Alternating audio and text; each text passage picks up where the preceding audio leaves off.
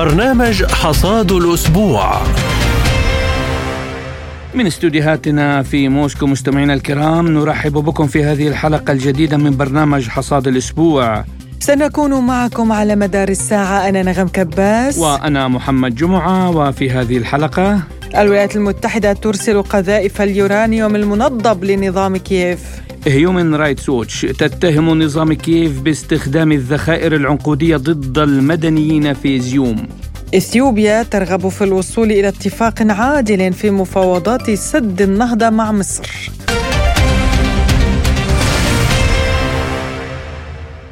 ونبدأ التفاصيل من إعلان وزارة الدفاع الأمريكية نقل قذائف اليورانيوم المنضب الخاصه بدبابات أبرامز إلى أوكرانيا إضافة إلى الذخيرة وأنظمة الصواريخ المضادة للدبابات من نوع جافلين ومعدات الملاحة والاتصالات. بدورها أعربت سفارة روسيا في الولايات المتحدة عن استيائها من قرار الإدارة الأمريكية معتبرة أن هذا القرار يعد تجسيدا لعدم الإنسانية. وقال المتحدث الرسمي باسم الرئاسة الروسية ديمتري بسكوف هذا أمر سيء. لقد تم بالفعل في تاريخ أوروبا الجديد استخدام هذه القذائف بنشاط ضد يوغوسلافيا ما أدى آنذاك إلى عواقب مخزية ومحزنة للغاية. سجلتها المنظمات الدولية. أدى استخدام هذه القذائف إلى زيادة وزيادة سريعة في عدد الأشخاص الذين يعانون من الأورام والأمراض الأخرى وهذه العواقب محسوسة أيضا على الأجيال القادمة من أولئك الذين تعرضوا لها بطريقة أو بأخرى وكانوا في المناطق التي استخدمت فيها هذه الأسلحة. هذه أخبار سيئة للغاية فعلا ويمكن أيضا توقع تكرار تاريخ يوغوسلافيا في الأراضي الأوكرانية حيث سيتم استخدام القذائف وبالطبع تقع هذه المسؤولية بالكامل على عاتق قيادة الولايات المتحدة التي هي اتخذت مثل هذا القرار المخزي ويجب أن يدرك الجميع ذلك. وللبحث في هذا الموضوع ينضم إلينا عبر الهاتف مدير المركز العربي للدراسات السياسية والاستراتيجية الدكتور محمد صادق إسماعيل أهلا بك دكتور محمد في برنامج حصاد الأسبوع تحياتي لحضرتك أستاذة نغم وتحياتي للأستاذ محمد والسادة المستمعين. يعني نبدأ من قرار الولايات المتحدة تضمين قذائف يورانيوم وإرسالها إلى أوكرانيا، ما مخاطر هذه الخطوة؟ بعد التحية هي خطوة خطيرة جدا تأتي في إطار طبعا حرص الولايات المتحدة الأمريكية على تزويد أوكرانيا بكل الأسلحة والمعدات والإمدادات اللوجستية سواء كانت محظورة أو غير محظورة أو حتى خطر على القانون الدولي والبيئة أو أو غير خطر. فأنا أعتقد طبعا أن إرسال معدات اليورانيوم تمثل تهديد كبير. أولا ما يتعلق بمخاطر اليورانيوم نفسه وما يتعلق أيضا بالمخاطر الخاصة بالبيئة. إذا كنا نتحدث عن حروب فطبعا الحروب لها قانون بالإضافة طبعا إلى إن هناك أيضا وثائق دولية تمنع استخدام اليورانيوم خاصة إن هذا النوع من اليورانيوم تحديدا من الممكن أن يصنف أيضا ضد الأسلحة التي تنتهك أيضا السيادة الإنسانية ما يتعلق منها بالتأثيرات البيئية ما يتعلق منها أيضا بالتأثيرات الخاصة بانها تخلف العديد من الأمراض مثل السرطانات والأورام وما إلى ذلك إضافة طبعا إلى المخاطر الخاصة حتى بأوكرانيا نفسها. يعني للأسف أوكرانيا نفسها لا تقدر طبيعة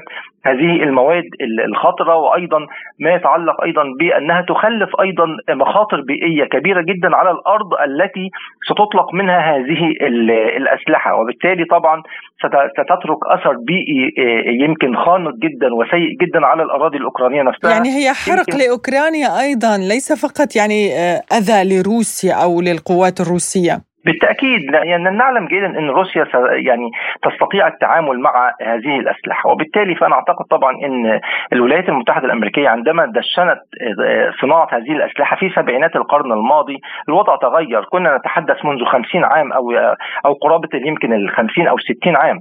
لكن اليوم نتحدث عن الجيش الروسي ويمتلك أسلحة متقدمة للغاية يستطيع التعامل مع هذه الأسلحة المصنوعة من اليورانيوم. وبالتالي فأنا أعتقد إن المشكلة ليست في روسيا بقدر ما ستكون مشكلة خاصة بالجانب الأوكراني نفسه. وبالتالي فأعتقد إنها ستكون أيضا مسؤولية سياسية ومسؤولية قانونية على القائمين على الرئاسة في أوكرانيا سواء زيلينسكي أو من يخلفه حتى لأن ستكون مشكلة وربما على المجتمع الدولي ككل دكتور ليس فقط على زيلينسكي يعني بالفعل هي مسؤولية مسؤولية لأنها تهدد الأمن العالمي. بالتأكيد وخليني أستاذ نغم أربط بينها وبين التصريحات الخاصة والصادرة من الولايات المتحدة الأمريكية الامريكيه ومن دول حلف الناتو التي تتحدث عن مسائل تغير المناخ ورغبة الدول الكبرى مثل الولايات المتحدة الأمريكية في يمكن أن تحسن من صورتها تجاه العالم فيما يتعلق بتغير المناخ وكان وكأننا نتحدث عن دولتين. دولة تتحدث عن ضرورة الإصلاحات فيما يتعلق بالمناخ وما إلى ذلك ودولة أخرى تقوم بتصدير اليورانيوم لإحداث نوع من التأثير البيئي السيء الذي من الممكن أن يخلف مشكلات كبيرة جدا سواء في أوكرانيا أو حتى في المناطق المحيطة بها. وبالتالي فالولايات المتحدة الأمريكية ما زالت تقوم بالعبث في النظام البيئي العالمي من خلال هذه المواد التي يحظرها طبعا بعض القوانين.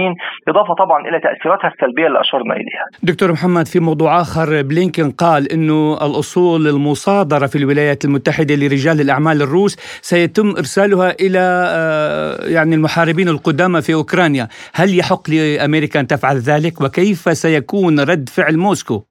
أنا أعتقد طبعا إن هذا فعل هو فعل سياسي لكن من الناحية القانونية غير سليم لأن نعلم جيدا إن لو كان هناك أصول إيه، أو حتى ممتلكات خاصة بأي بمواطنين أي دولة من دول العالم موجودة في الولايات المتحدة الأمريكية تبقى هذه الأصول مملوكة ولا يحق للدولة مصادرتها إلا في حال إصدار أحكام قضائية ضد الأشخاص أنفسهم وأيضا يكونوا مواطنين من من الجنسية الأمريكية. لكن المواطنين الآخرين من الجنسيات الأخرى أعتقد إنه لابد من موافقة صاحبة السيادة الوطنية واتحدث عن روسيا تحديدا طالما أنهم مواطنين روس لكن أن يتم نقل الملكيات من من السيادة الروسية إلى الاوكرانيا أعتقد إنه طبعا هذا عبث بالقوانين الدولية وعبث أيضا بالقوانين الجنائية. وهناك أيضا قانون جنائي دولي يحكم ويؤصل لمثل هذه الأمور وأعتقد حتى إن القانون الدولي الخاص في مواده التشريعية التي ندرسها لطلابنا نتحدث في مثل هذه المسائل انه لا يجوز من الناحية الفعلية نقل هذه الممتلكات ونقلها إلى من من يحب ومن لا يحب صاحب صاحب الدولة. وبالتالي فأنا أعتقد طبعا إن هذا من الناحية القانونية غير سليم. أعتقد طبعا إن رد الفعل الروسي ستلجأ إلى نوعين من رد الفعل. هو رد الفعل الأول من الناحية القانونية من خلال رفع بعض الدعاوى القضائية ضد آه، الولايات المتحدة الأمريكية ممثله طبعا في الأشخاص الذين قاموا بمثل هذا الفعل إضافة طبعا إلى رد الفعل الآخر من الممكن أن تقوم بالمثل بمصادرة آه، بعض الممتلكات التي يملكها الأمريكان في روسيا واهدائها إلى طالما طالما أن الموضوع سيسير على هذه الوتيرة وأن الولايات المتحدة الأمريكية هي من بدأت في تدشين هذا النوع من العبث القانوني فأنا أعتقد إن رد الفعل لابد أن يكون مساوي للفعل نفسه الذي قامت به الولايات المتحدة الامريكيه. نعم دكتور أيضا آه، تعرضت موسكو اليوم آه، وأيضا روستوف وتفير وعدة مدن آه، روسية أخرى ودانيتسك لهجوم بالمسيرات أحبطتها الدفاعات الجوية. طيب هذه الهجمات المتكررة بالمسيرات على الداخل الروسي هل هي فقط للترهيب أو أنه بالفعل المسيرات اليوم قادرة أن تحدث فرقا عسكريا؟ أنا أعتقد طبعا إن سلاح المسيرات بصفة عامة هو ليه من جانب الترهيب بمعنى إنه طبعا لا يستطيع خرق الدفاعات الروسية لأن نتحدث عن الجيش الروسي باعتباره أقوى جيوش العالم وبالتالي فأنا أعتقد إن مسألة أن تقوم المسيرات باستهداف بعض المناطق أو باستهداف بعض المنشآت وما إلى ذلك أستبعده تماما لكن هي كل ما في الأمر إنه مسألة لأحداث علو الصوت كما يقال ولإعلاء الصوت الأوكراني باعتبار إن أوكرانيا قادرة على خرق المجال الجوي الروسي وما إلى ذلك لكن مسألة أن تقوم بحرب بالمسيرات المسيرات لا يعني لا تعد من أسلحة الحرب بقدر ما تعد من أسلحة يمكن الترهيب أو إحداث نوع من العمليات الخاطفة حتى نراها في باقي دول العالم أيضا تقوم بمثل هذا الطرح. لكن المسيرات لا, لا يمكن أن تكون سلاح من من الأسلحة الحربية التي تستخدم في الحرب. يمكن أسلحة مساعدة لكن إن أسلحة أساسية لا. وبالتالي فأنا أعتقد إن جانب هام جدا من الأسلحة التي صدرت إلى أوكرانيا وللأسف طبعا تحدثنا عن هذا الموضوع مرارا بأن عشرات المليارات من الدولارات انفقت في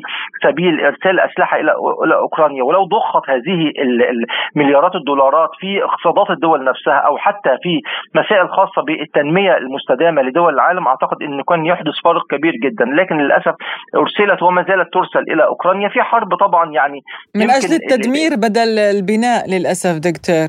بالتأكيد وبالتالي فأنا أعتقد إن جزء هام جدا من الاستراتيجية العالمية أعتقد إنها لابد أن تعدل وتغير في سبيل يعني توقف المليارات التي تصدر إلى أوكرانيا ليلا ونهارا على سبيل المثال يعني في هناك صفقة اف 16 للطائرات التي سترسل إلى أوكرانيا دون أن يكون هناك الطيارين الأوكران ليسوا على دراية وليسوا على خبرة بقيادة أو استخدام هذه الأسلحة، اذا هي أسلحة ترسل من أجل الإرسال فقط، لكن المشكلة هنا أن أوكرانيا لا تستطيع استخدام هذه الأسلحة ولا تعلم عنها شيء، وبالتالي وضعت أوكرانيا في الواجهة فقط لتكون الحرب بين أوكرانيا وروسيا، لكن من يحارب بالفعل هو حلف الناتو وليس أوكرانيا. دكتور يعني أنت كخبير نريد أن نستفسر معك هذه الحالة الغريبة حقا، الصين خففت من موقفها تماما تجاه البيان الختامي لمجموعة العشرين بما يتعلق بالحرب الأوكرانية.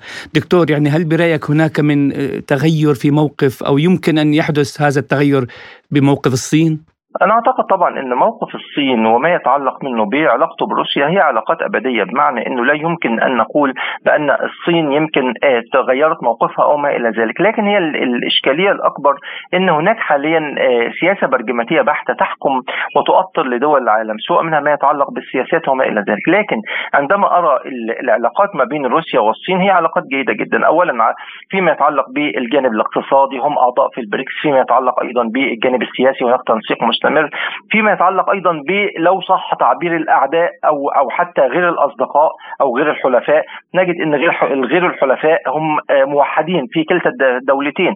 الولايات المتحدة الأمريكية جو بايدن في عام 2021 أطلق على الصين عدو. في في اجتماع الجي 7 إضافة طبعا إلى إن روسيا والولايات المتحدة الأمريكية علاقتهم ليست على ما يرام وبالتالي فأنا أعتقد إن المركب واحدة كما يقال سواء المركبه الصينية أو الروسية هي واحدة. فأنا أعتقد إن العلاقات بينهم هي علاقات مستمرة وعلاقات لا يمكن أن تتسم بالتغير يمكن تتسم بالصعود والهبوط لكن يبقى الخط ثابت. هو علاقات متميزة ما بين روسيا وبين الصين. نعم دكتور أيضا البرازيل قالت بأنها ترى فرصة لإحراز تقدم بعملية السلام والمفاوضات بين موسكو وكييف. ما مدى جدية وإمكانية نجاح أي مبادرة خاصة وأنه رأينا مثلا فشل المبادرة الصينية والإفريقية الأفارقة حاولوا كثيرا يعني ولكن للأسف الجانب الروسي وافق الأوكراني رفض. إيه، وطبعا قبل حتى الجانب الإفريقي كان هناك أيضا زيارة من وزراء الخارجية العرب إلى إلى موسكو في محاولة لتدشين أيضا آه، يمكن مبادرة عربية. كل المبادرات فشلت لأن المشكلة هنا أن من يقود أوكرانيا ليس أوكرانيا نفسها بمعنى أن لو هناك دولتين تتصارعان معا أعتقد كان من الممكن أن يكون هناك الحل أقرب. لكن المشكلة هنا أننا نتحدث عن حلف الناتو نتحدث عن الولايات المتحدة الأمريكية وبريطانيا ودول الاتحاد الأوروبي نتحدث أيضا عن آه، آه، صراعات ما بين هذه الدول وهذه الدول يعني بين قوسين ليست على قلب رجل واحد. بمعنى إن الولايات المتحدة الأمريكية يمكن تتعاون أحيانا لكن تصطدم أحيانا مع دول الاتحاد الأوروبي. وهناك أيضا يمكن هناك بعض الاتفاقات نعم لكن هناك أيضا خيارات برجماتية للتعامل مع كافة الملفات ومنها الملف الروسي الأوكراني. وبالتالي فأنا أعتقد إن الطرح البرازيلي هو طرح جيد تماما مثل الطرح الصيني والطرح الأفريقي ومن قبل الطرح العربي لكن المشكلة تبقى هنا في إمكانيات التنفيذ وفي قبول شروط حتى المبادرات. لا يمكن أن تطرح شروط قبل أن يجلس الطرفين على مائدة المفاوضات وهو ما ترفضه دوما أوكرانيا للأسف. فأنا أعتقد إن المشكلة هنا ما زالت في تعنت الجانب خلينا أقول حلف الناتو وليس أوكرانيا فيما يتعلق بمسائل التفاوض. لكن إنهاك آه، يمكن أوكرانيا من الناحية الاقتصادية ومن الناحية العسكرية إضافة إلى إنهاك الدول من وراء أوكرانيا كما يقال حتى إن المطالبات حاليا في الولايات المتحدة الأمريكية من قبل الحزب الجمهوري ومن بعض أعضاء الحزب الديمقراطي بالكف عن إرسال مساعدات إلى أوكرانيا أيضا تماما مثل بريطانيا التي يمكن أعلنت في أكثر من موقف أنها تريد وقف المساعدات أو وقف الإمدادات اللوجستية إلى أيضا أوكرانيا، بعض دول الاتحاد الأوروبي بدأت تتحدث لماذا لا, تنفق أموالنا داخل دولنا وتذهب إلى أوكرانيا في حرب لا نعلم إلى متى تنتهي أو حتى نتيجتها مسبقا، فأنا أعتقد إن مسائل التفاوض لابد أن يكون هناك رغبة من الطرفين، لكن عندما وافق الجانب الروسي على سبيل المثال على تدشين التفاوض وقف الجانب الأوكراني ورفض. فأنا أعتقد إن هذه المسألة لن تجدي طالما إن الجانب الأوكراني وحتى حلف الناتو يرفض مسائل التفاوض السياسي يمكن نتائج العمليات العسكرية وما توصلت إليه يمكن ترغم الجانب الأوكراني على قبول بعض الاشتراطات فيما يتعلق بالتفاوض والجلوس على مائدة التفاوض. نعم مدير المركز العربي للدراسات السياسية الدكتور محمد صادق إسماعيل كنت معنا ودائما معنا دكتور في برامجنا. شكرا لكم شكرا جزيلا أتشرف حضراتكم شكرا جزيلا ونبقى في الشأن الأوكراني وتقرير منظمة هيومان رايتس ووتش حول استخدام القوات الأوكرانية الذخائر العنقودية ضد المدنيين في أزيوم. إذ قالت ماري ويرهام مديرة قسم التسلح في المنظمة في تصريح لسبوتنيك أن المدنيين في إزيوم في منطقة خاركوف لقوا حتفهم نتيجة قصف القوات المسلحة الأوكرانية للمدينة بالذخائر العنقودية والذي حدث العام الماضي. وقالت ويرهام إن المنظمة جمعت أدلة على أن القوات الأوكرانية قصفت المنطقة بالذخائر العنقودية بينما كانت المدينة تحت السيطرة الروسية. حول هذا الموضوع قال الكاتب والمحلل السياسي واصف عواضة لسبوتنيك يعني علينا اولا أن نعرف آه، مصدر مثل هذه آه، القنابل لكي يتحمل المسؤولية من يجب أن يتحمل المسؤولية في هذا المجال. آه، المصدر هو بوضوح الولايات المتحدة الأمريكية والغرب الذي قدم مثل هذه الأسلحة لأوكرانيا ونحن نعلم أن أوكرانيا لم تكن تمتلك مثل هذه الأسلحة. لذلك الحديث عن عقوبات يصبح في هذا المجال يعني نوعا من التمني لأن من أعطى هذا السلاح لا يمكن أن يفرض عقوبات لا على أوكرانيا ولا ولا على آه، نفسه. آه هذا السلاح آه هو سلاح خطير طبعا وهو سلاح محرم دوليا ويؤدي إلى مجازر ويطال المدنيين بشكل لاحق بمعنى أن هذه القنابل تستخدم في الحروب عادة أثناء الحروب لمنع تقدم المشاة. ولكنها تطال المدنيين في الوقت نفسه عندما تتوقف الحرب. وقد خبرنا هذه التجربة نحن في لبنان وهذا ما سيحصل في في أوكرانيا. آه، لن يقدم الغرب على محاسبة أوكرانيا لأنه يكون آه، يحاسب نفسه في في هذا الوقت وهو لن يحاسب آه، نفسه في في هذا المجال. لذلك قلت أنه يجب أن نحمل المسؤولية اولا لمصدر هذه آه، القنابل الخطيرة والمحرمة دوليا. يعني في الحقيقة هذه القنابل هي مخصصة كما قلت للأفراد. آه نعم نحن منذ سنوات طويلة ما زلنا نعاني من هذه القنابل التي تنتشر آه في في في المناطق بشكل عشوائي.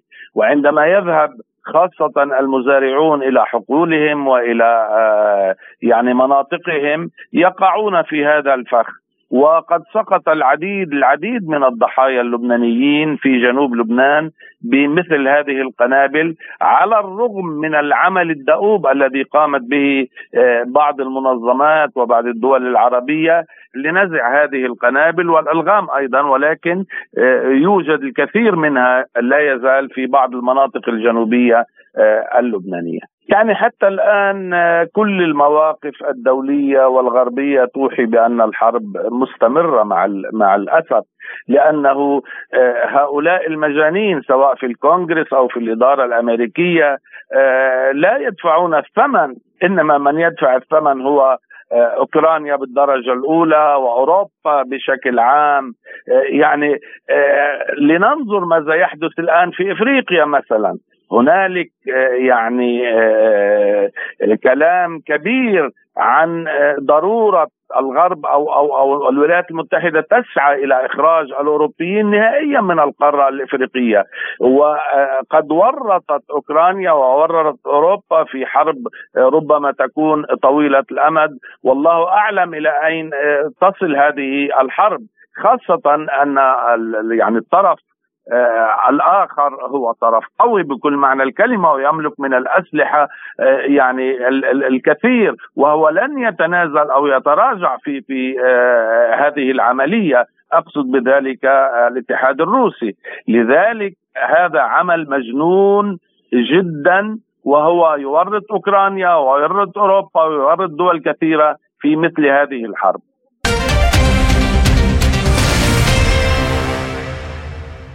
وإلى العلاقات المصرية الإثيوبية وسد النهضة وإثارته للمطالبات بالعدالة المائية بين مصر والسودان وإثيوبيا حيث أكد ياسين أحمد رئيس المعهد الإثيوبي للدبلوماسية الشعبية أن أديس أبابا تطالب بالعدالة المائية بين الدول الثلاثة وقبولها أيضا باستئناف المفاوضات مؤخرا مع مصر والسودان ما يؤكد نواياها الحسنة لتحقيق العدالة بين كل الأطراف.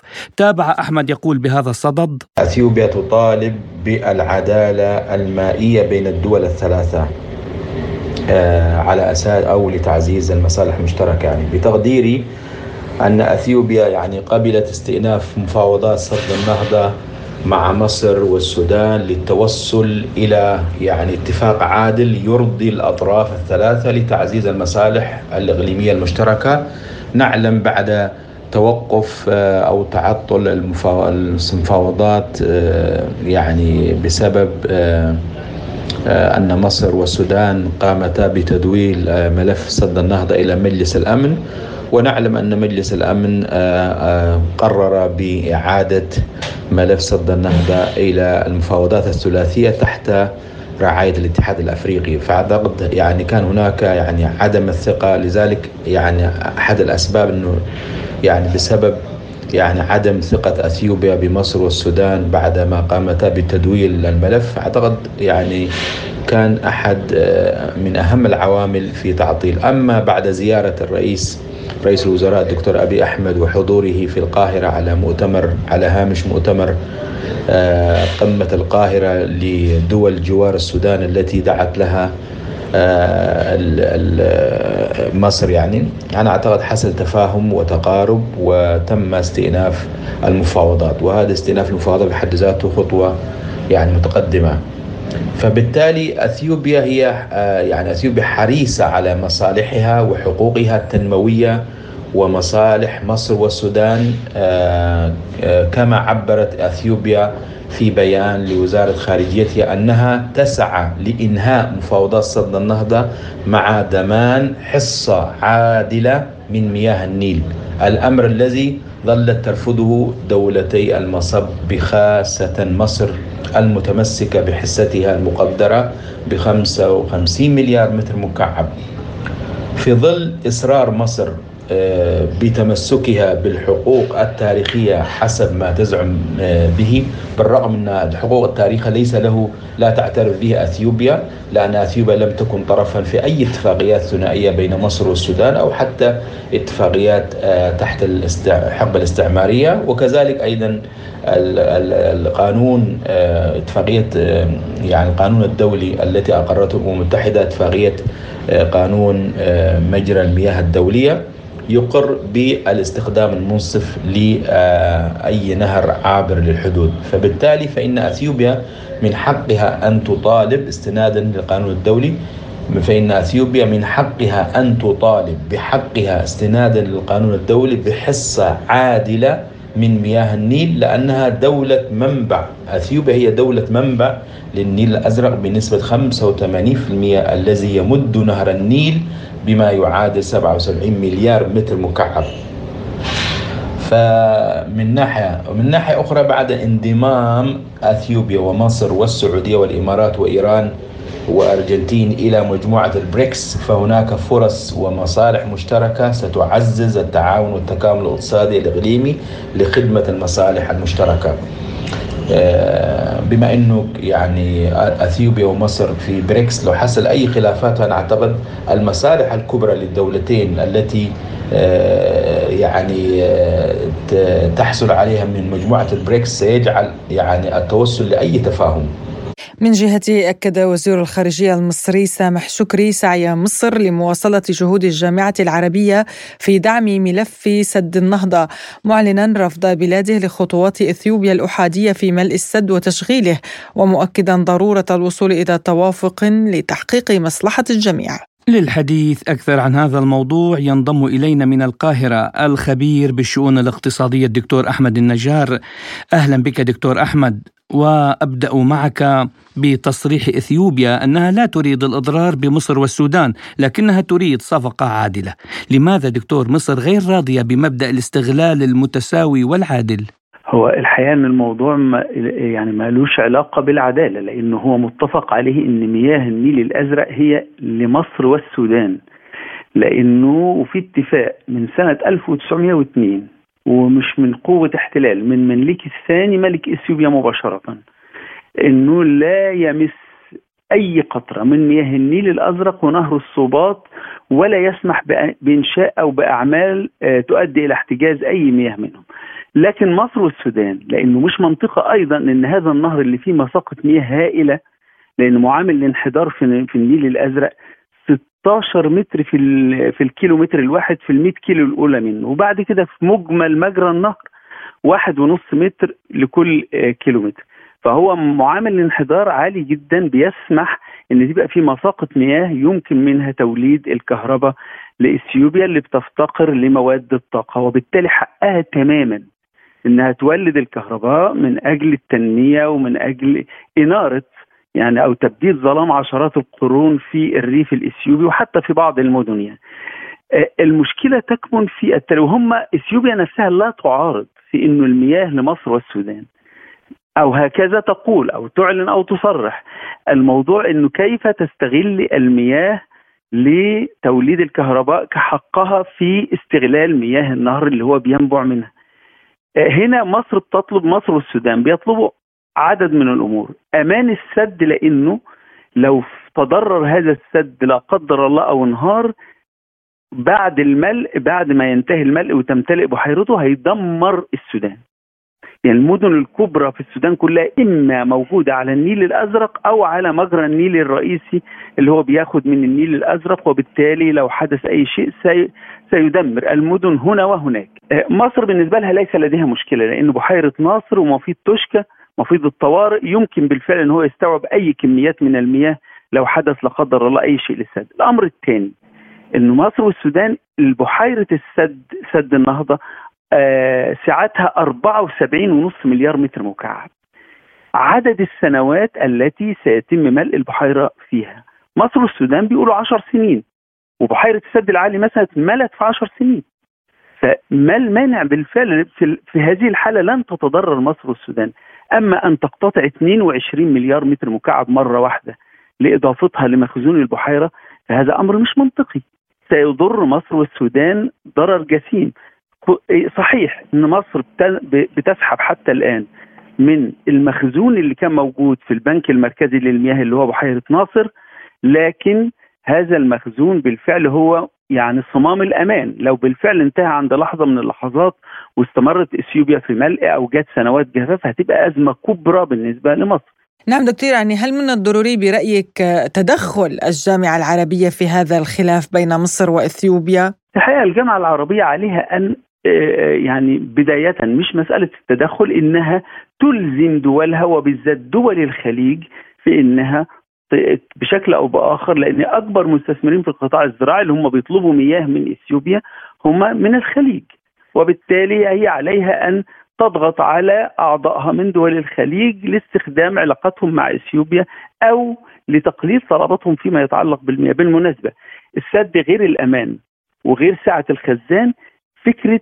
إدارة تمرير المياه لأنه نهر النيل بيتعرض لموجة جفاف سباعية سبع سنين متتالية كل قرن تقريبا. في في هذه الفترات مصر تحتاج كل قطرة.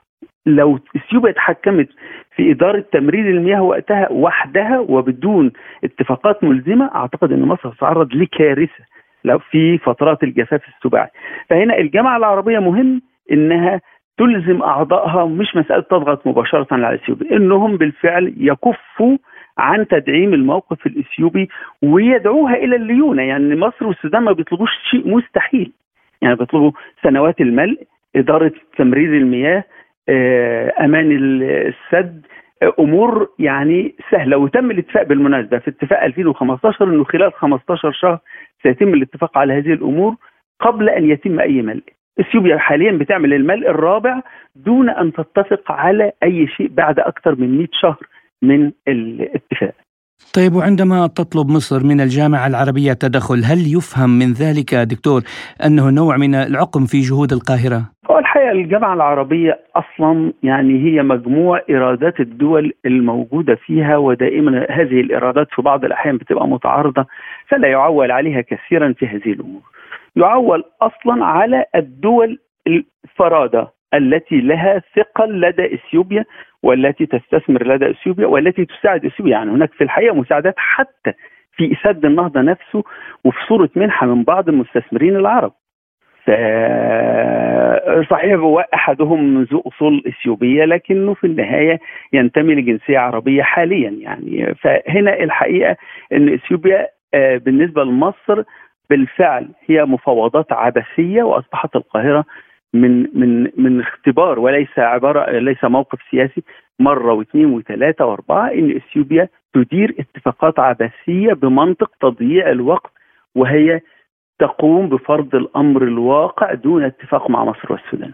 يعني دكتور حضرتك ذكرت دول مؤثرة هل تعتقد أن هذه الدول المؤثرة إذا تدخلت في الملف وفي حل الصراع يمكن أن تحدث تغييرا ما؟ لو أرادت يمكنها أن موقفها أن يكون له ثقل هذه الدول بالنسبة للدول العربية السعودية والإمارات بالنسبة للدول الصديقة لمصر كما يبدو الصين آه، آه، طبعا إيطاليا لا يعول كثيرا. هي الشركة المنفذة الرئيسية هي شركة ساليني الإيطالية لكنها لا يعول كثيرا على موقفها خصوصا إنه في آه، يعني يعني في رغم تحسن العلاقات كثيرا بين مصر وإيطاليا بعد حادثة ريجيني لكن تحت السطح ما تحته. يعني لن لا يعول على موقف إيطاليا في هذا الشأن. من القاهرة كان معنا الخبير بالشؤون الاقتصادية الدكتور أحمد النجار. شكرا لكم.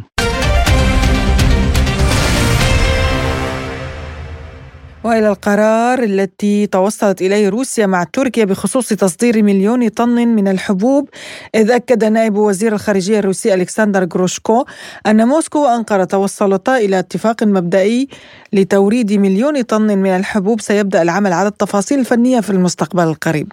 سبق أن بحث الرئيس الروسي فلاديمير بوتين مع نظيره التركي رجب طيب أردوغان في سوتشي الروسية العلاقات الثنائية وتطورات ملف الأزمة الأوكرانية. وناقشا أيضا اتفاق الحبوب الذي توقف العمل فيه في السابع عشر من يوليو الماضي بعد قرار الجانب الروسي. وقف العمل به حتى يتم تنفيذ الجزء الروسي منه وهو طبعا تصدير الحبوب والأسمدة الروسية أسوة بالأوكرانية. حول هذه الزيارة تحدث لسبوتنيك الخبير بالشؤون التركية الأستاذ محمود علوش. يعني طبعا الزيارة مهمة. آه، كما تعلمون هي أول زيارة للرئيس رجب طيب أردوغان إلى تركيا بعد فوزه بولاية رئاسية آه، جديدة. وأيضا يعني هذه الزيارة تأتي في خضم بعض المستجدات التي طرأت على القضايا التي تعاون تركيا وروسيا على راسها مسألة اتفاقية الحبوب بالإضافة إلى الحوار التركي السوري وغيره من القضايا الجيوسياسية بين تركيا وروسيا.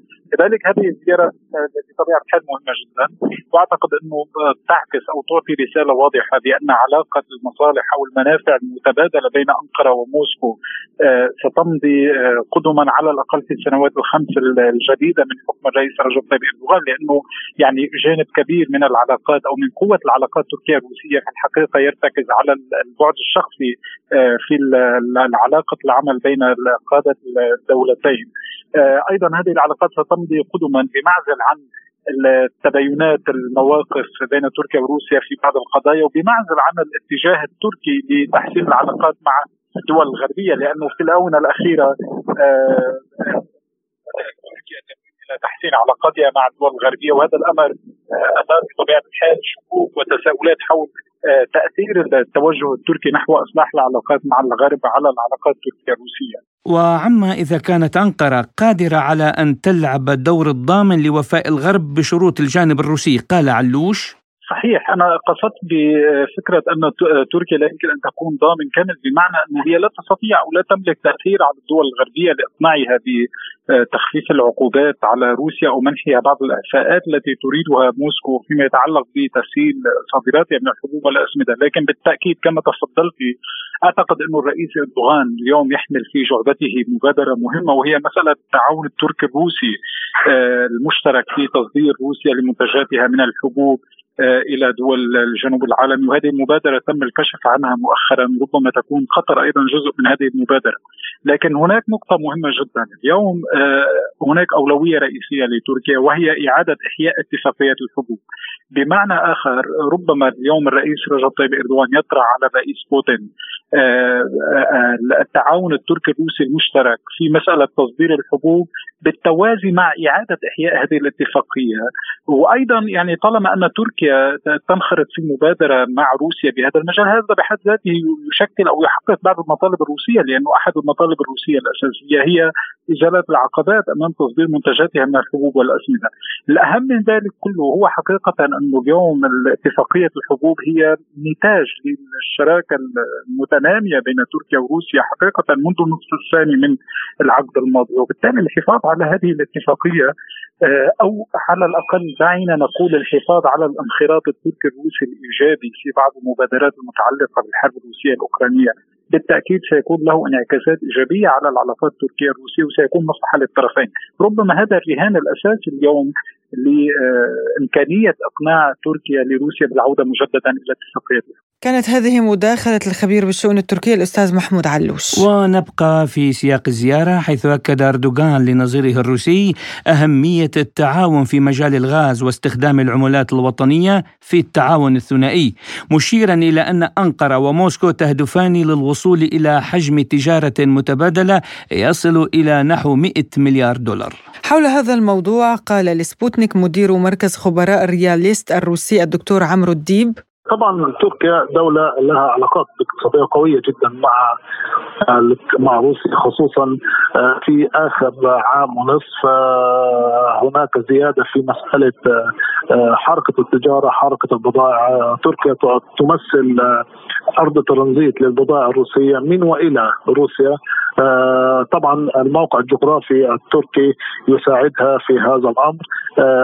وأيضا الرغبة السياسية تساعدها أيضا الرغبة السياسية التركية في زيادة مستويات التعاون. ويعني أنا لا أرى أي أي أي صعوبة في أن يتم تحقيق مثل هذا الرقم لأن تركيا دولة يعني لديها صناعة كبيرة نشاط زراعي كبير تمثل أرض ترانزيت للبضائع من وإلى روسيا.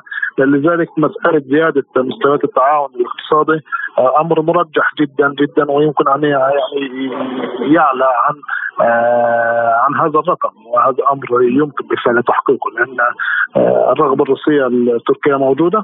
والموقع الجغرافي التركي والقدرة الاقتصادية الزراعية التركية وأيضا الصناعة التركية يعني يمكن بالفعل تحقيق هذا الرقم بدون صعوبة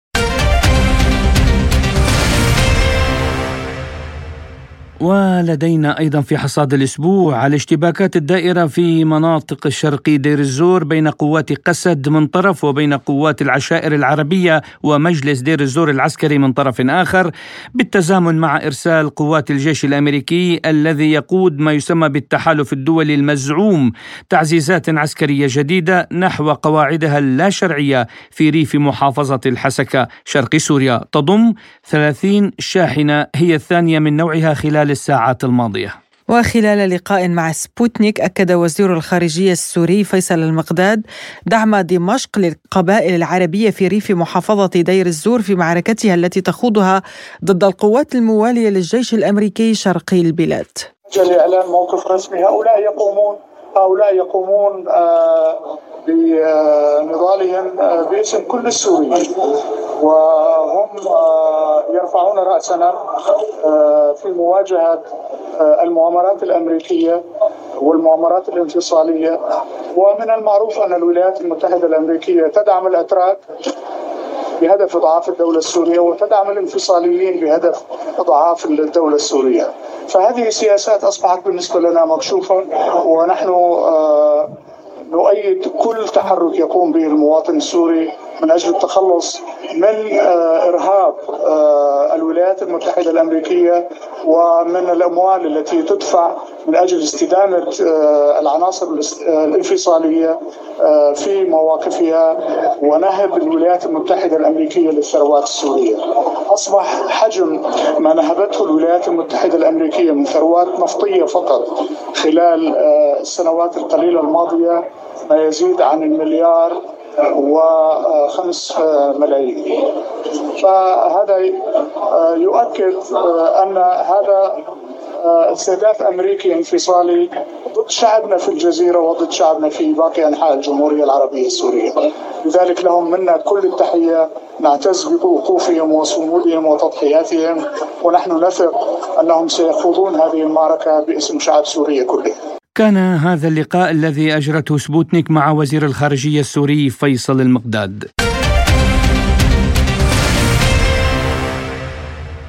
وإلى فلسطين حيث قال خالد العسيلي وزير الاقتصاد الفلسطيني في حديث خاص لسبوتنيك إن إغلاق إسرائيل معبر كرم أبو سالم مع غزة إجراء تعسفي يستهدف القطاعات الاقتصادية المهمة في القطاع المحاصر ويكبدها خسائر فادحة مشددا على ضرورة التدخل الدولي لوقف هذه القرارات التعسفية. يعني اولا هذا إجراء تعسفي إجراء احتلالي وبالتالي هو إجراء يعني غير إنساني أيضا لأن عملية حصار قطاع غزة اللي بيمر من 17 سنة محاصر بدون وجه حق ومخالف لكل القوانين الدولية والمواثيق الدولية اليوم بفرضوا عليهم إغلاق. إغلاق معنى يعني عدم توريد أي شيء من المواد الأساسية والمواد الأخرى والمواد الخام أيضا يعني اللي بتعطل عملية الإنتاج والتسويق أيضا. هناك منتجات زراعية تصدر للضفة الغربية وبالتالي هلأ كل المنتجات هاي عبارة عن خسائر للمزارعين، المصانع عم تعمل لكن بدون تصريف البضائع تسويق البضائع وبالتالي هاي بتسبب خسائر هائلة. بالإضافة إلى إنه ممكن يكون هناك نقص في المواد الأساسية وهذا كله بينعكس إلى خسائر لاقتصاد القطاع المحاصر من سنوات طويلة. اليوم أنا ناشدت العالم إنهم يضغطوا على حكومة إسرائيل للسماح بوقف يعني لسماح بعملية الاستيراد والتصدير للقطاع ووقف الإجراء التعسفي بحق القطاع، يعني الوضع الاقتصادي بفلسطين يعني بمر اولا إحنا تحت احتلال والاحتلال بيتحكم بتفاصيل عديدة منها، لكن يوجد بفلسطين قطاع خاص وطني و صقلت تجربة يعني تجربة صقلت من خلال الاحتلال الطويل وبالتالي رجال الأعمال الفلسطينيين والقطاع الخاص بيتمتعوا بخبرة طويلة جدا اللي ممكن يتجاوزوا مشاكل بعض مشاكل المعيقات اللي بيضعها الاحتلال.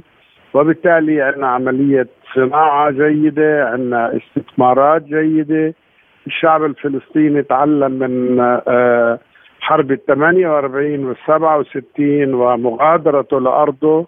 وبالتالي انتشر في دول العالم في مخيمات للاجئين وعانى ولا زال يعاني من الهجرة. وبالتالي اليوم الشعب الفلسطيني متثبت في أرضه يستثمر في أرضه وبالتالي إحنا عندنا يعني بالإضافة إلى المقاومة المشروعة لكن هناك حركة اقتصادية جيدة هناك شركات جديدة تسجل استثمارات جديدة من الفلسطينيين في خارج وفي داخل الوطن المحتل بالإضافة أنه فلسطين عبارة عن أرض بكر للاستثمار والعائد على الاستثمار في فلسطين أعلى منه من كل المنطقة وبالتالي يعني لا عندنا قصص نجاح استثمارية جيدة بعكس الصورة النمطية اللي موجودة عند فلسطين. يأتي ذلك مع استمرار التصعيد الذي هو سيد الموقف الآن حيث أصيب أربعة فلسطينيين برصاص الجيش الإسرائيلي الذي اقتحم مخيم جنين في الضفة الغربية وسط تحليق مكثف لطائرات الاستطلاع. فيما حمل الناطق الرسمي باسم الرئاسة الفلسطينية نبيل أبردين أمريكا مسؤولية عودة سياسة الاقتحامات للمدن الفلسطينية والقتل. للحديث عن هذا التصعيد الإسرائيلي في الضفة الغربية ينضم إلينا عبر الهاتف من هناك ناصر حماد مدير عام مركز الدراسات والتوثيق الاستراتيجي أهلا بك أستاذ ناصر يعني ماذا عن هذا التصعيد الإسرائيلي؟ بالنسبة إلى التصعيد الإسرائيلي في الضفة الغربية هو جزء من برنامج سياسي متكامل هو تم إعداده مسبقا والهدف آه، منه هو ضرب الروح الإنسانية والاجتماعية والثقافية الفلسطينية داخل الضفة الغربية ولدى المواطن الفلسطيني ولسيطرة المستوطنين الإسرائيليين على الأراضي وقضم الأراضي الفلسطينية لصالح الاستيطان اللي هو خارج عن إطار القانون الدولي الإنساني. وهذه العمليات العسكرية الإسرائيلية وقيام المستوطنين بالدفاع وبحماية الجيش الإسرائيلي لهجرة الفلسطينيين من الضفة الغربية وترك أماكن سكناهم وقراهم وأراضيهم وبيوتهم. دكتور ناصر يعني لماذا كل هذه الحصانة الدولية التي تنعم بها إسرائيل ولا أحد يحاسب انتهاكاتها؟ بالنسبة إلى الحصانة الحصانة هو العالم يتعامل بازدواجية المعايير.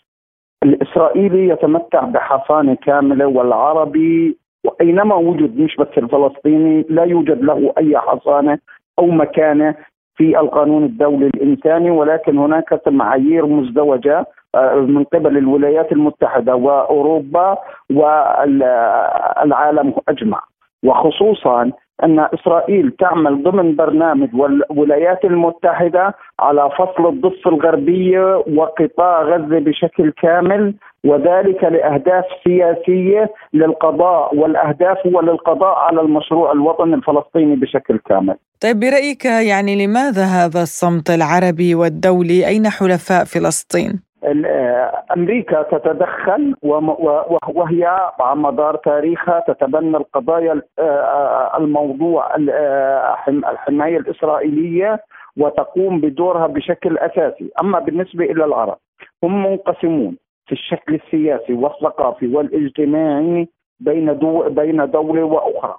مدير عام مركز الدراسات والتوثيق الاستراتيجي الأستاذ ناصر حماد شكرا لك على هذه المداخلة. وعن قرار للجيش الإسرائيلي بوقف مرور البضائع من قطاع غزة إلى أسواق الضفة الغربية حتى إشعار آخر والذي وصفه المراقبون بالكارثي انضم إلينا الخبير بالشؤون الإسرائيلية الدكتور هاني المصري.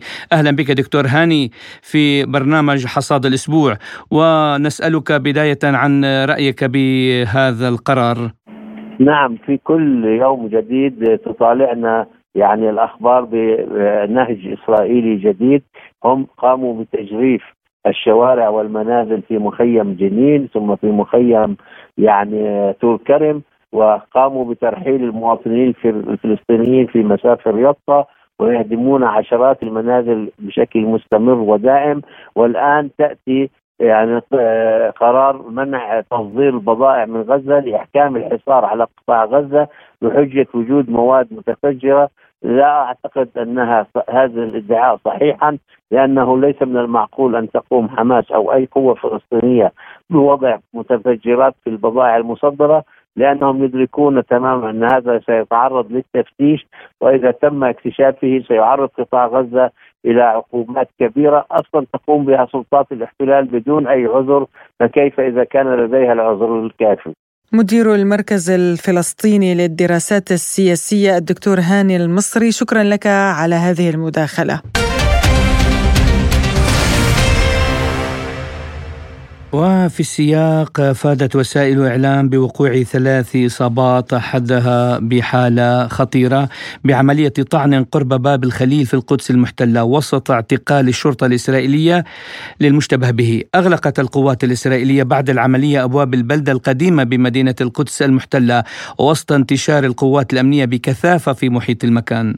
تأتي هذه التطورات بعد إعلان رئيس الوزراء الإسرائيلي بنيامين نتنياهو عن خطط لبناء حواجز على الحدود الإسرائيلية الأردنية مشيرا في الوقت نفسه إلى أن بناء الجدار على الحدود مع مصر منع دخول أكثر من مليون مهاجر غير شرعي من أفريقيا.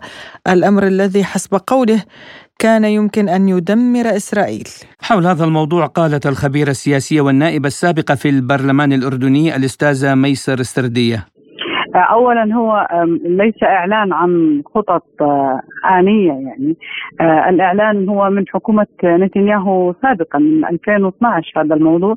هذا مشروع آه، لدى الكيان برسم أو تنفيذ الجدر داخل آه الأرض المحتلة زي جدار غزة وزي جدار القدس اللي هو يفصل الضفة الغربية عن فلسطين التاريخية المحتلة والجدر الخارجية منها الجدار الإلكتروني مع مصر وجدار مع الجولان وجدار مع لبنان على ما أعتقد عند كفر كلا والآن هذا أعلن عنه الجدار وسيتم تنفيذه. السبب آه، آه، اولا السبب هو الوضع الإسرائيلي أو وضع الكيان الصهيوني المحتل آه، اولا تحقيق الأمن رقم واحد رقم اثنين اللي هو إنهاء مشروع ما روج له منذ أوسلو أحل الدولتين واقامه دوله فلسطينية. وعما إذا كانت هذه الخطوة ستؤدي إلى موجة تصعيد أخرى في المنطقة قالت السردية. أنا يعني المنطقة أصلا هي على فوهة بركان. يعني إذا نظرنا إحنا ماذا يحدث في آه، لبنان وجنوب لبنان وما يحدث في آه، مقاومة آه، أهلنا في الجولان. وإذا ننظر أيضا ما يحدث داخل فلسطين. يعني اليوم كان في اقتحام المخيم جنين.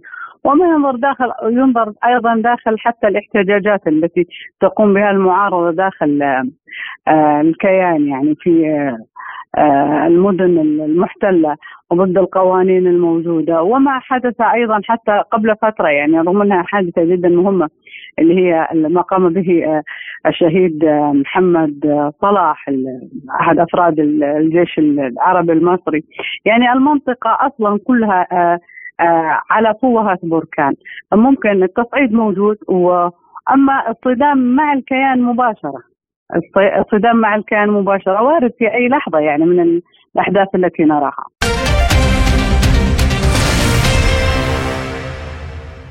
والختام من أسواق النفط حيث قررت المملكة العربية السعودية تمديد الخفض الطوعي لإنتاج النفط بمقدار مليون برميل يوميا لثلاثة أشهر لتعزيز الجهود الاحترازية التي تبذلها دول أوبك بلس بهدف دعم استقرار أسواق البترول وتوازنها. وكان وزير الطاقة السعودي الأمير عبد العزيز بن سلمان قد أكد أن سبع جهات مستقلة تحققت من التزام روسيا بخفض إنتاج النفط مشيرا إلى أن منظمة أوبك بلس تؤدي عملها في تحقيق استقرار الأسواق وتقليل نسبة التلاعب لدى بعض الدول. حول هذا الموضوع قال المدير التنفيذي لمركز التنمية والتطوير للاستشارات الاقتصادية والخبير النفطي الدكتور علي بوخمسين أهلا وسهلا بكم وبالسادة المستمعين وشكرا لوكالة سبوتنيك الروسية. على هذه الاستضافة الكريمة. آه، في الواقع آه، نعم هناك آه، اعتقاد قوي وسائد لدى معظم المحللين في أسواق النفط العالمية أنه قد تتجه حكومة المملكة العربية السعودية لتمديد الخفض الطوعي في إنتاج النفط الذي ابتدأته من شهر جولاي العام الحالي وربما تمدده إلى وهو مستمر بطبيعة الحال وربما تمدده إلى نهاية شهر أكتوبر القادم. آه، الحقيقة هذا التوجه يأتي من قبل الحكومة السعودية آه، في سبيل تعزيز حماية آه، أسواق النفط العالمية من جانب وتحقيق استقرار سعري لمستويات سعرية مقبولة لدى كل من المنتجين والمستهلكين في متوسطات مقبولة لدى كلا الطرفين. بحيث أنه هذا الاستقرار السعري يتحقق من خلال تحقيق التوازن في كميات الموجودة في السوق بحيث لا يكون هناك إغراق أكثر من اللازم ولا يكون هناك تجفيف لهذه المادة الحيوية والهامة لنمو واستقرار الاقتصاد العالمي. بالتالي المملكة العربية السعودية عبر تحالفها مع الحكومة الروسية في تحالف أوبك بلاس يسعيان باستمرار باتجاه تحقيق مثل هذا الاستقرار السعري عبر تنفيذ الحقيقة سياسة يعني أثبتت جودتها وقدرتها على التحكم في أسعار النفط وتحقيق هذا الاستقرار الذي شهدناه الحقيقة خلال الفترة الماضية. ولكن طبعا شهدنا أنه هناك انخفاض في أسعار النفط في النصف العام المنصرم بالحقيقة بسبب يعني عدة عوامل اقتصادية كان أهمها موضوع اغلاق القطاع إغلاق الاقتصاد الصيني و حتى بعد فتح الاقتصاد الصيني هناك تذبذب في نسبة النمو ولم يحقق الاقتصاد الصيني نسبة النمو المطلوبة واللازمة لكي يزيد الطلب على النفط في الأسواق العالمية. وأيضا تأثر الاقتصاد الصيني بسبب موضوع بنوك الظل أزمة بنوك الظل الحقيقة وكذلك أزمة القطاع العقاري التي يعني كادت أن تمس بشكل كبير بالاقتصاد الصيني. كلا هذه العاملين الحقيقة أثرا على نسبة نمو الاقتصاد الصيني بما حد من الطلب على النفط في الأسواق العالمية. بما استدعى أن تقوم كبار الدول المنتجة في أوبك بلاس مثل المملكة العربية السعودية وروسيا بالحقيقة انتهاج سياسة خفض طوعي إضافة إلى الخفض الرسمي الأصلي الذي أقر في تحالف أوبك بلاس بحيث أنه يؤدي هذا الخفض إلى تحقيق تعادل في سعري عبر توازن في الكميات الموجودة المعروضة في السوق. وعن المعايير التي يتطلبها السوق حاليا أضاف أبو خمسين. في الواقع قد يكون نائب رئيس الوزراء الروسي يشير في حديثه إلى موضوع تغيير معيار تسعير النفط الرئيسي حيث كان كما هو معروف خام برنت هو المعيار القياسي لتسعير النفط الخام. بالذات النفط الخام الخفيف في بحر الشمال وهو يخص الشحنات الفعلية التي تم مسبقا تحديد تواريخ تسليمها. هذا طبعا تغيير هذا المعيار والذي الحقيقة ابتدأ من شهر يونيو يؤثر حتما على تحديد قيمة النفط في الأسواق العالمية. طبعا متأثرا بموقع الشحن الذي يتم شحن منه وكذلك الوجهة التي يتم الشحن إليها حيث تكلفة هذه الشحن ستؤثر على تسعير هذه كمية النفط التي تم شحنها. تكلفة الشحن تؤثر وكذلك الوقت اللازم للشحن أيضا مؤثر. وبالتالي فإنه سيكون المجال مفتوحا أمام خام بالذات خام نايمكس لكي يكون الأمريكي لكي يكون بديلا عن برنت آه الذي سيتم ربما تعديلها بشكل كبير آه في الفترة الماضية المستقبلييه. آه طبعا سمعنا أيضا عن وجود اقتراح لإنشاء بورصة دبي النفطية لكي تكون أيضا بديلا عن قام برنت ويتم التسعير بموجب دبي وطبعا الحقيقة هناك مرجحات كبيرة لمثل هذا الخيار لأنه دبي طبعا في قلب الخليج العربي حيث يتم حيث يتم شحن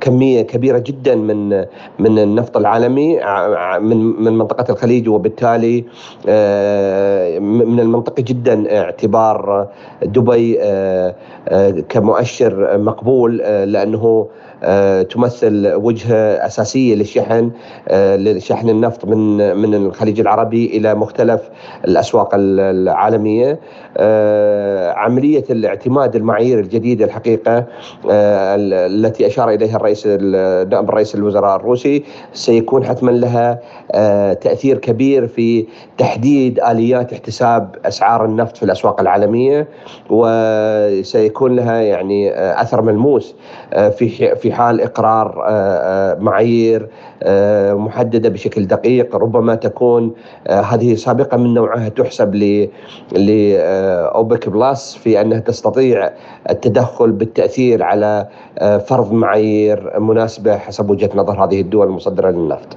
المدير التنفيذي لمركز التنمية والتطوير للاستشارات الاقتصادية والخبير النفطي الدكتور علي بوخمسين. بهذا نصل وإياكم مستمعينا إلى ختام حلقة اليوم من حصاد الأسبوع. قدمناها لكم من استديوهاتنا في موسكو. أنا نغم كباس. وأنا محمد جمعة. للمزيد من المتابعة زوروا موقعنا الإلكتروني سبوتنيك dot ae وأيضا قناتنا على تليجرام سبوتنيك عربي. إلى اللقاء. إلى اللقاء.